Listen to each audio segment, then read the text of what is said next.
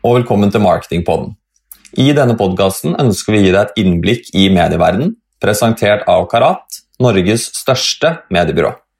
Hei, og velkommen til en ny episode av Marketingpodden. Jeg, Mats Stangeby, sitter her som vanlig i studio sammen med Simen Smedsberg Kneppe, og det begynner å bli varmt i studio nå, Simen?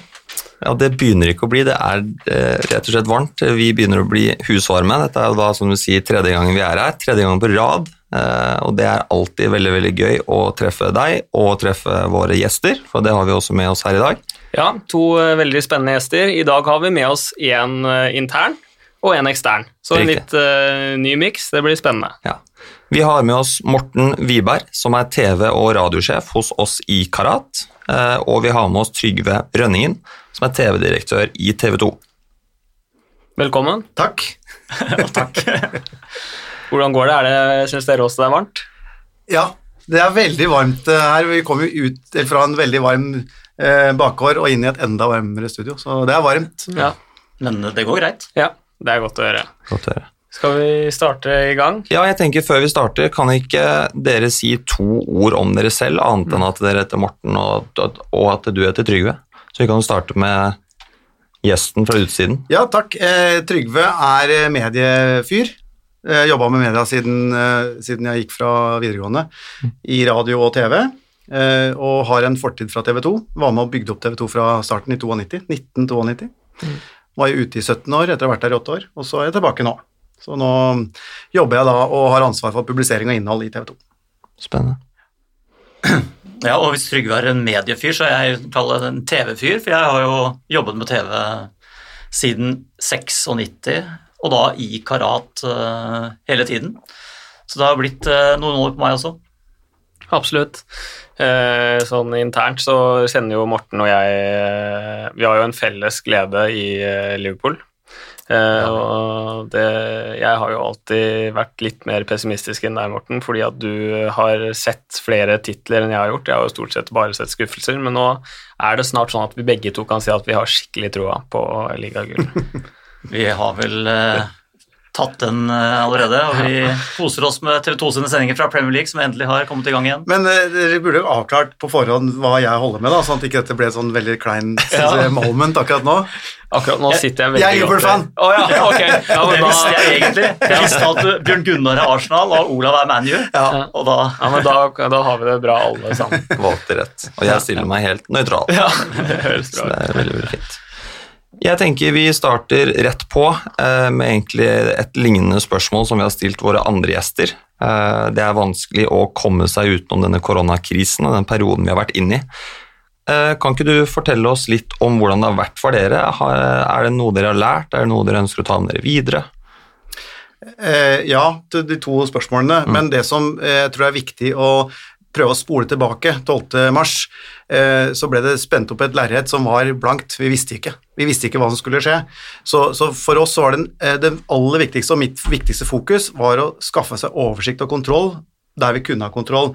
Og det var i praktisk virke klarer vi å få til en TV-høst. For vi så at det som kom foran oss nå, ble så krevende i forhold til karantener og, og, og vanskelige arbeidskår, så vi, var, vi, måtte finne ut hvordan skal vi klare å være et produkt når vi kommer ut av dette her. Så det var vårt viktigste fokus. Og så var det selvfølgelig da, når du står midt i det, å kunne levere trygt, gjøre uh, kloke programmer. Vi valgte jo en, en strategi som gikk på at TV 2 skal være gjenkjennelig. Vi har jo en nyhetskanal, så den kunne vi jo eh, dundre på med nyhetsoppdateringer. Eh, til sammenligning da, så, så, gjorde NRK eh, valget om å gjøre NRK1 til en nyhetskanal på dagtid med stor suksess. Det var NRK som virkelig gjorde jobben her, ratingmessig. Men vi fikk brukbart ut av det ved å være et gjenkjennelig TV 2-skjema og en nyhetskanal i kombo, og, og føle at vi kom godt ut av det. Så, så, læringen er jo for så vidt å, å, å, kunne være fleksibel, klare å snu seg rundt, tenke alternativt, og det må jeg si i alle faser av en TV-produksjon. Eh, og det kan vi ta med oss videre og tørre å ha litt mer is i magen. Mm. Det er jo det som er gjenkjennbart i ja. alle vi har snakket, om, snakket, med om dette her. Mm. At uh, de som kommer best ut av det, er de som evner å både ha is i magen og snu seg rundt fort. Det er sånn det går an. Fleksibilitet altså, har vært vinneren. Ja, altså jeg, jeg, hørte jo eh, Tor Eimen Eriksen, eh, kringkastingssjefen i NRK, som, som nå syntes det hadde vært veldig vanskelig. Men så innrømmer han jo det, at det er jo ikke vanskelig. Han har jo den sjekken sin på 6 milliarder og skal jo bare bruke opp de penga. Vi skulle jo da være troverdige leverandører av reklame, hvis vi snakker om TV 2 og reklamebæreren, og si til dere hvordan skal vi klare å, å, å Hvordan skal dere stole på oss nå? Mm. Klarer dere dette her? Og, det, og, den øvelsen der er litt mer sammensatt enn det å, og, ratte et NRK, med all respekt. Mm. Vi kan jo høre med deg, Morten. Hvordan syns du det har vært å planlegge og eksekvere på TV-planer i denne perioden? Nei, altså det var uh, Utfordringen var jo for så vidt kanskje mest at uh, en del av våre kunder plutselig ikke hadde et marked å operere lenger. Altså, vi hadde jo reiseliv sant, som forsvant uh, over natta. Uh, så vi måtte jo forholde oss til at uh, de måtte få stoppet all reklame. Og, og da må vi jo forholde oss til TV-kanalen i forhold til at der stopper pengestrømmen. ikke sant? Og så måtte vi jo også gjøre vurdering på hvordan TV skulle, ville fungere for de kundene som hadde noe å kommunisere. Og heldigvis så viste det seg at den, eh, den TV-seingen den tok seg jo ganske kraftig opp. Mm. Uh, ikke bare kommersielt, selvfølgelig, også NRK, så, men, men, det ble en veldig sånn bra et, et, bra medium å ha da, for, uh, for alle de annonsørene som fortsatte å, å være på. Mm. Mm. Jeg tenker, eh, Nå har vi hørt litt om eh, hvordan vi syns både perioden har vært. Eh, og Den har så klart vært krevende, men også lærerik. Man har tatt med seg mye spennende derfra. Så jeg tenker egentlig at vi kan begynne å gå litt mer detaljert til verks. Rett og slett rett inn i både TV-verden og spørsmål da til deg, Trygve. Jeg husker jo når jeg var liten, så var det alltid barne-TV klokka seks. Det var alltid Sporten klokka åtte eller 21.30, eller når nå den er. Nå er det jo veldig annerledes. Det er strømme-TV. Folk vil se det de vil, når de vil, hvor de vil på mobil eller desktop eller TV. Hvordan har egentlig det påvirket måten dere planlegger innholdet? Ja, Nå er jeg redd for å bli dinosauren som snakker om gamle dager og, og, ikke helt skjønner hva som foregår nå, men jeg har jo vært en litt sånn komisk ali og sagt at lineær-TV kommer til å stå lenge ennå. Mm. Uh, og jeg mener det. Vi skal flytte millioner av uh, seere og milliarder av kroner over lineær-TV-plattformen i noen år fram i tid. Så, så, det vanskelige og kompliserte er å ta vare på det, samtidig som vi driver en stor transformasjon. Og, og vi driver jo en flytteoperasjon. Vi skal flytte seere til der de da finner sin nye hjem, strømme-TV og alt det du innleda med. Eh, og det er jo det litt sånn dualistiske og vanskelige arbeidet vårt nå, at vi skal stå i gammel og ny økonomi. Så vi må forsvare oss og posisjonere oss fortsatt, investere mye i lineær-TV og samtidig ta innholdsproduktene inn i en strømverden. Og så ser vi jo det, da, og det er mange innfallsvinkler til dette her. Vi driver nå et verdensmesterskap, mm. konkurrerer mot Netflix, HBO og sånne ting. Eh, samtidig som det lokale, nære innholdet, det virker. Og vi kan ikke ta noe annet valg enn å si at vi skal være en leverandør, troverdig, sikker leverandør av norsk kvalitetsinnhold. Det er ikke en festtale, for det er det òg. Men hvis vi velger noe annet, så blir vi spist opp til frokost av de store. Så det eneste valget vi har, er å være en kanon, fantastisk god leverandør av norsk innhold. Eh, klarer vi det, så kommer vi til å stå oss også i strømme-TV-framtida. Og ser du på recorden nå, f.eks. denne våren, da, det mest populære lineær-TV-underholdningsprogrammet på TV2 i vår, Kompani Lauritzen, er også det mest populære på Sumo. Mm. Så TV2 Sumo og TV2 lineært, det går hånd i hånd i at folk vil ha godt innhold. Funker det, så ser de det overalt. Mm. Eh, men det er klart for planlegginga, som er den andre delen av spørsmålet ditt, den, den planlegginga Jeg satt jo som sagt i TV2 i, i, på 90-tallet og planla TV. Det var enkelt, det. Vi syns ikke det da, vi syns det var veldig vanskelig, men det var enkelt. Fordi folk, og jeg skal gi et eksempel med ungdom Ungdom hadde et brukermønster som var mulig å lese. De gikk på skolen, og så gikk de hjem, og så skrudde de på TV-en. Det var mediehverdagen til ungdommen fra to-tre om ettermiddagen og utover til fem-seks. Så hvis vi putta på et ungdomsprogram på lineær-TV i 50 så visste vi at vi hadde ungdommen der. I dag så veit jo alle at dette er jo helt annerledes, og det å klare å finne disse strømningene, hvor er seerne når, og hva slags behov har de nå, og alle muligheter er det hele tida, du er ett tastetrykk unna den beste serien i verden, å manøvrere det, meget krevende. Mm. Og, det, og, det, er jo litt sånn som eh, ja, altså, Hvis jeg ser historisk på det, hvor, hvor da på slutten av 90-tallet hvor liksom bare var TV 2, det var TV Norge og det var TV3. Det var ganske oversiktlig og enkelt å, eh, å være TV-kjøper. Uh, og nå hvor vi da plutselig står oppi det hvor du har uh, uendelig med kanaler, egentlig, og, og, det er jo utfordringen vår, og kanskje også TV 2, da, som TV 2 har jo vært den store, store kommersielle kanalen, uh, alltid.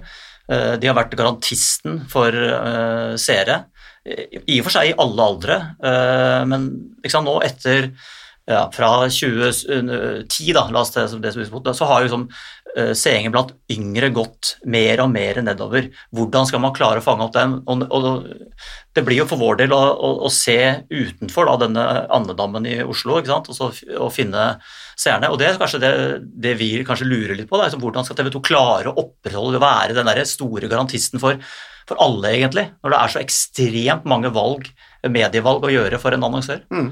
Og, og, jeg tror at uh, svaret på det var jo én stor TV-kanal. Og så ble svar nummer to når åra gikk, flere kanaler. Jo, ble jo spinnet av flere nisjekanaler, mm. som alle mediehusene gjorde. Der mener jeg kanskje at TV 2 eh, Pass på å ikke si noe gærent nå, men jeg syns eh, Discovery var flinke, eller det som da het noe annet, SPS og sånn i gamle dager, de var flinke tidlig til å lage disse sjangerkanalene tydeligst mm. av, mm. av kanalene. Eh, og så har vi da tatt da nivå tre, som er, som du er inne på, Morten, at nå er, er, de overalt. Men jeg tror svaret til TV 2 det er at i sum så må vi klare å være like stor. Altså summen av det vi kan dekke inn i et mediedøgn, eh, hvis vi klarer å opprettholde det, så, er, så, skal vi kunne klare å lage en mediemiks, enten det er på tv2.no, på TV2 Sumo eller på lineær-TV. Så, så, det er oppgaven vår å, bli, å fort, forbli store, forbli relevante for flest mulig. Hvis vi ikke gjør det, hvis TV 2 blir eh, desimert, da vil vi ikke ha så stor kraft når vi kommer til deg og skal forhandle TV-avtaler, for da, da, har ikke vi den nasjonale stemmen som det vi har hatt nå i snart 30 år. Mm. Men det er ikke noe, og det skal jo alle være klar over, at fortsatt er det jo sånn at lineær-TV er veldig stort. Vi må ikke glemme det. Selv om det stort sett i mediene skriver at ingen ser på TV, så er TV det største mediet, og det treffer enormt mange mennesker hver eneste dag. Eh, og da kanskje spesielt fra 30 år oppover. Da. Det er jo primært den der gruppen fra 10 til 30-35 som er vanskelig å nå, som, som zapper veldig mye rundt og bruker mye digitale kanaler. Men det den voksne målgruppen er jo også veldig viktig for annonsører, og, og der er jo TV fortsatt enormt uh, bra, da. Ja, det er uh, helt sant. Det er viktig å ikke Selv om det har gått nedover med lineær TV-seing, så er det jo fortsatt uh, veldig, veldig stort. Det er viktig å ikke undergrave. En, uh, jeg har lyst til å gå helt inn på en litt annen ting som TV også må deale med, og jeg lurer litt på hvordan TV 2 tar hensyn til det. Når det gjelder produkter som skal inn i TV-programmer, Eh, så ønsker jo eh, kunden at produktet skal være en naturlig del av produksjonen, at eh, det gjerne skal få en reklameeffekt, men ikke oppfattes som reklame. Og da lurer jeg, hvis jeg skal spørre litt bredt, hvordan tar dere hensyn til det, og hvordan tenker dere rundt å få den produktet integrert i produksjonen og i, Altså, Det pussige er jo at hvis én HCA ja, partene er misfornøyd, så er egentlig alle misfornøyd, for dette må funke for alle. Mm. Det er ingen TV-program som blir lekkert av en feil produktplassering, i anførsel, og det er ingen kunde som trives hvis produktplasseringa blir klein. Og, og, igjen, da, for å trekke litt uh, historiske linjer, eh, produktplassering i, altså i gamle dager i, i kommersiell TVs uh, eh, 1.0-versjon var å sette en uh, brusflaske på et bord og vise den mens man hadde et talkshow eller sånne ting. Mm. Det, er, det, skjønner alle at det ikke flytter, flytter, noe spesielt med varer nå.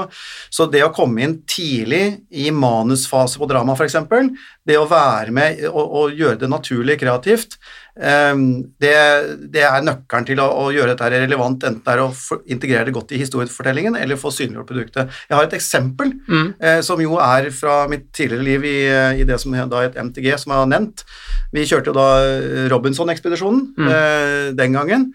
Og, eh, og da eh, var det en idé Nå, nå gir jeg et gratispoeng altså, til noen av kundene deres.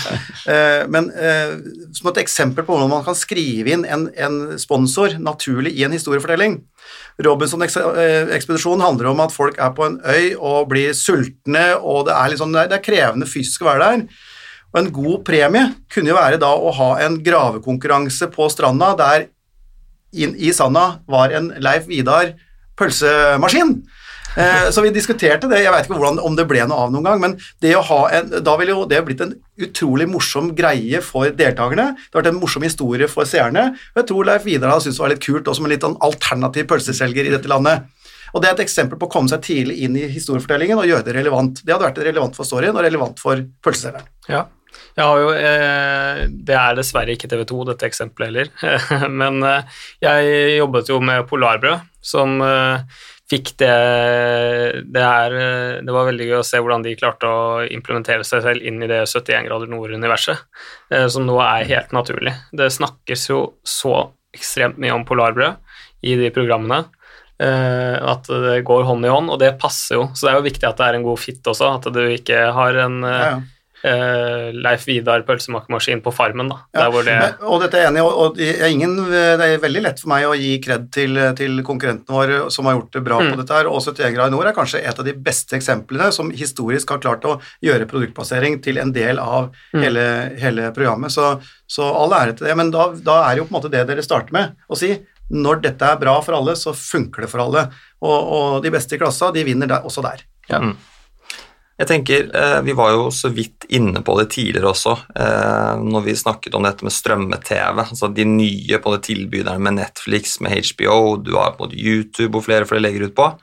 Du har så klart også NRK og Discovery, som fortsatt er store aktører.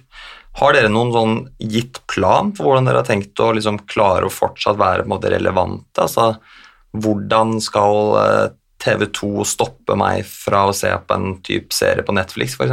Ja. Det ville vært dumt jeg satt her og sa at vi ikke har en plan. Ja. så, så vi har en plan, eh, med spørsmål om om planen er god nok. Ja. Men vi har en plan. Eh, Den kan jeg eh, ikke gå i detalj av naturlige grunner, men jeg kan beskrive litt av hva slags konkurranseunivers vi må angripe. Mm. Og du, du hoppa veldig lett over å si at vi har også NRK. NRK er en ekstremt viktig, stor strømmekonkurrent. Det er, og de er gratis, det er rett i, og de er flinke. De, og de beiter på akkurat de samme tinga som vi andre gjør. Så, og vår skvis ligger mellom det frie, gratis strømmeproduktet NRK TV og til da HBO og Netflix som kan bare pøse ut milliarder av investerte kroner.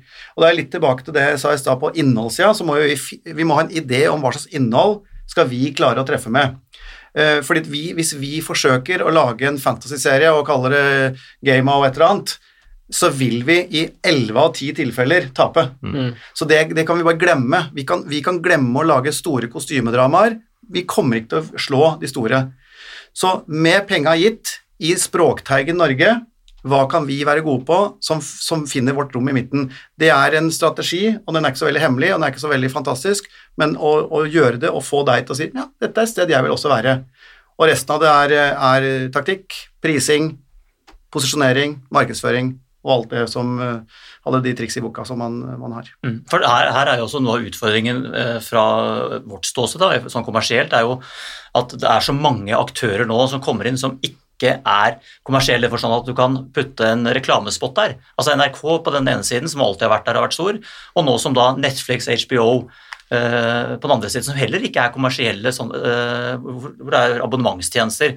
Og det gjør jo det at eh, for annonsørene så ender man jo opp med at man har du får en lavere dekning på eh, kampanjen din. Da. Så det er vanskeligere å nå ut til alle de du klarte tidligere. Og det er jo eh, noe som er litt, sånn, litt bekymringsfullt oppi det hele, faktisk.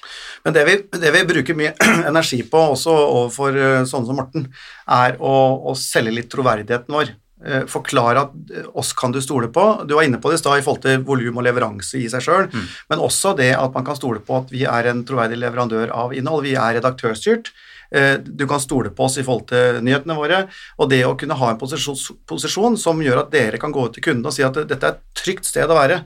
Når vi ser nå hva som vi er utsatt for av disse litt utrygge måtene å reklamere på, det miljøet du ikke vil være i med, med reklamen din, så, så må vi stå opp og si at i, i TV 2 så er vi til å stole på. Ok, litt eh, avslutningsvis uh, skal vi snakke litt uh, fotball. Fordi det er jo en stor ting. Premier League-rettighetene er jo på vei ut fra TV 2, og Champions League-rettighetene er jo på vei inn. Eh, Det kommer jo til å påvirke min hverdag ekstremt, som, er litt sånn eh, endringsredd og glad i det trygge. Så tok det jo eh, sin tid å bli vant til TV 2 fra Kanal Pluss, men nå føler jeg at TV 2 er mitt hjem for Premier League. Eh, Hvordan har dere tenkt til å angripe den situasjonen? Med, ut med Premier League og inn med Champions League? Altså, å miste eh, For det første må du være realist. Altså, Rettigheter er noe man har til låns. Mm. Eh, så er det veldig vondt å erkjenne det når man taper noe, for vi hadde jo egentlig tenkt at Premier League var, eh, det var vårt. Resten av Premier Leagues historie.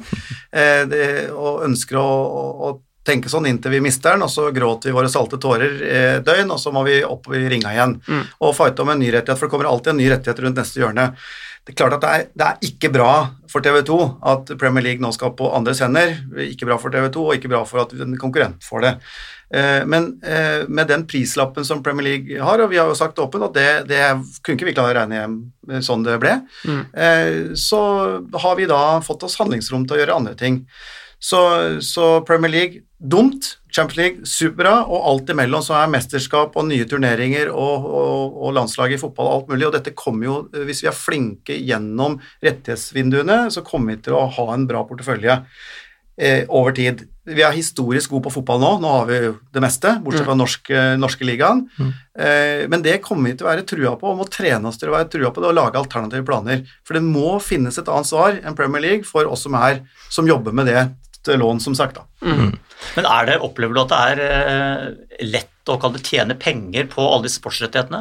For jeg, jeg sånn, tenker sånn, Premier League er jo en rettighet som uh, man har klart å selge inn med abonnementstjenester. For du klarer ikke også å hente inn i form av reklame. Nei. Og, og du kan si, det første som skjedde, var jo at NRK ganske tidlig, for mange år siden, meldte seg av denne konkurransen, fordi de har ikke, de har ikke finansielle muskler i denne sammenheng til å kunne regne seg hjem på det. Det, det regnestykket vi har, handler om det du snakker om nå, på distribusjonsinntekter eh, og abonnementsinntekter. Det gjør at man kan løfte øh, penger opp og lage et, eh, et regnestykke, et business case av det. Men en, en, eh, du ser veldig lite live sport på lineær-TV eh, og gratis-TV. Så det er ikke egna, det er ikke bærekraft å, å kjøre, kjøpe Premier League for, for et TV 2 f.eks. Så det vi gjør nå eh, i disse, disse oppstarts-Premier League igjen, er at vi putter inn noen kamper på TV 2 for å sette ligaen igjen, få interesse, bruke de, og det er ManU, Liverpool, Manchester City, eh, knappest Arsenal, eh, sorry, eh, Mac, eh, sånn som lar seg eh, skape rating av. Eh, så bruker vi de kampene for å skape attention til ligaen igjen, og så er det livet til en, en sportsrettighet, med noen få unntak, det er et annet sted. Unntakene er mesterskap. eh, Delvis fordi det er forplikta, et ski- ski-VM f.eks., eller et eh, Tour de France eller et fotball-EM. VM. Eh, Så, men bortsett fra disse mesterskapene, så er dette ikke egnet til å skape butikk uten at man legger det et sted som man kan regne seg hjem på det med distribusjons- og abonnementsinntekter. Mm. Ja. Jeg tenker Helt avslutningsvis så er det et spørsmål vi også har stilt de fleste gjestene våre. Eh, Rett og slett, Hva hadde du gjort hvis du hadde jobbet i Karat en uke? Og da hadde du sikkert mest sannsynligvis kanskje hatt jobben til Morten. Hva hadde du gjort annerledes? Nei, eh, det, når jeg eh, diskuterer med, med Morten eller andre, så mener jeg at de største, og både dere og konkurrentene deres, er grunnleggende grundige og gode, dyktige, profesjonelle. Eh, og så eh, hadde jeg da tatt den første talen min og sagt også til Morten, hvis da ble jeg sjefen til Morten, eller da? Ja, Det kan du kanskje Ja, velge, da. Hvis jeg var sjefen Morten, hadde sagt at ikke la deg rive med av sånne strømninger som at det kommer et dårlig seertall eh, på en serie, en sånn ting, for vi er basically i samme båt. Vi må skaffe noen seere til enten deres kunder, eller som ordentlig indirekte er våre kunder, eller til stjerne, til felles beste. Så det vi skal drive med nå, folkens, i Karat, eller TV 2, det er å framsnakke TV, for det er eh, til felles beste. Ja. Støtter den. Da tenker jeg, Har du noe å tilføye, Morten? Eller Nei, er nei, du jeg syns det har kommet eh, bra gjennom. ja. Så Så da tenker jeg at det var det vi rakk. Og så tusen takk til eh, både Morten og Trygve for tiden deres. Eh, og så får dere ha en eh, god sommerferie når den tid kommer, med masse fotball Forhåpentligvis. og forhåpentligvis ligagull. Det var det, da. Ja. Ok. Kjempe. God Takk sommer. God sommer.